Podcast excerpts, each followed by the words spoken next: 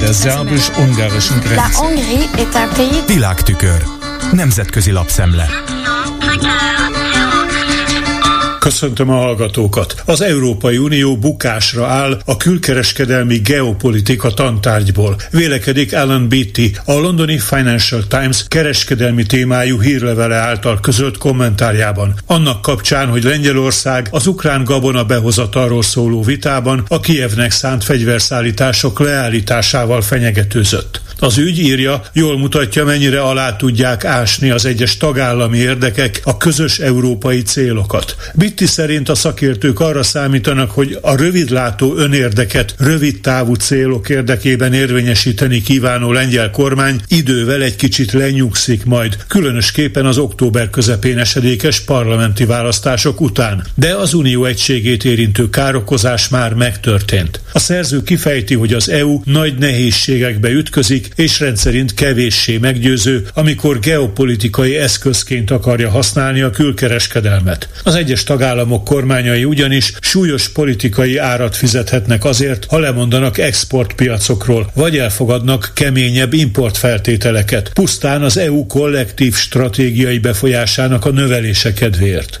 A cikk a lengyel példa mellett mások magatartását is szóvá teszi. Felhívja a figyelmet arra, hogy Párizs halogatja a dél-amerikai Mercosur államokkal kidolgozott alkú ratifikálását. Feldühödött marha tenyésztő gazdák és elveikhez ragaszkodó környezetvédők nyomására. Németország pedig az Ukrajna elleni inváziót megelőző években az orosz földgáz importjával stratégiai értelemben függő helyzetbe hozta Európát Vladimir Putyintól. Alan Beatty idézi Jana Dreyert, a Borderlex hírlevél szerzőjét, aki a lengyel-ukrán konfliktusra utalva kifejti. Ez történik akkor, ha egy gyenge Európai Bizottság eltűri egyes tagállamok, különösképpen jobboldali politikusok klikjének az üzelmeit. Beatty szerint azonban a bizottságnak olyan szemrehányást is lehet tenni, hogy túlságosan konfrontatív volt, és nyugodtan érvényben hagyhatta volna az ukrán gabonaimport tilalmat még egy hónapig tehát a lengyel választásokig.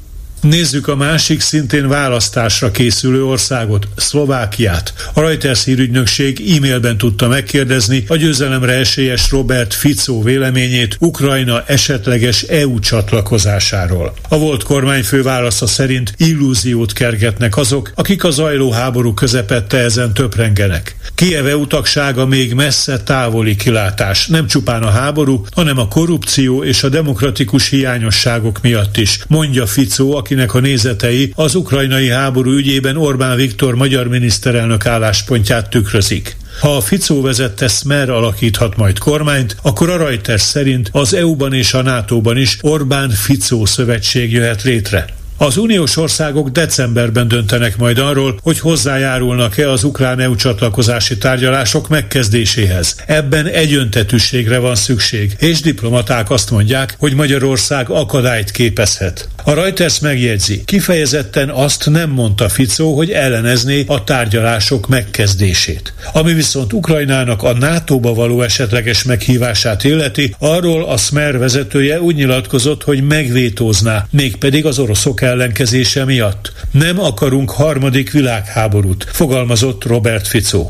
Szlovákiában egyébként Oroszország durván nyugatellenes, hangulatkeltő félrevezetéssel is próbálkozik. Ezt tanúsítja a Frankfurter Allgemeine Zeitung által ismertetett eset. A kelet-szlovákiai eperjesi térségben a Ladomirová, magyar nevén Ladomér vágása nevű faluban a polgármester a Pozsonyi Orosz Nagykövetség Facebook oldalán szlovák nyelven közölt beszámoló szerint arról beszélt, hogy ő maga lerombolja az első világháborúban elesett orosz hősi halottak sírjait. Az ügyészség vizsgálatot indított, halott gyalázás gyanújával, és kiderült, hogy mindebből egy szó sem igaz. A településen építkezés folyt, és éppen az volt a lényeg, hogy a sírokat nem volt szabad érinteni. De az erről szóló hivatalos száfolatok nem tudták megakadályozni a felháborodási hullámot, és a polgármester életveszélyes fenyegetéseket is kapott.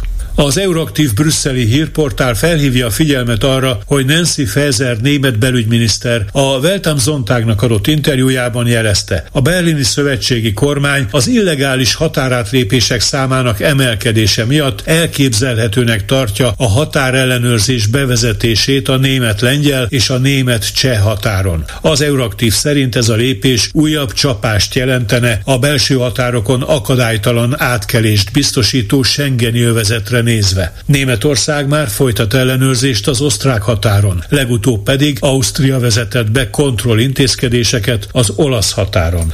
Ez volt ma a Nemzetközi Média Szemle Kárpáti Jánostól. Köszönöm a figyelmüket.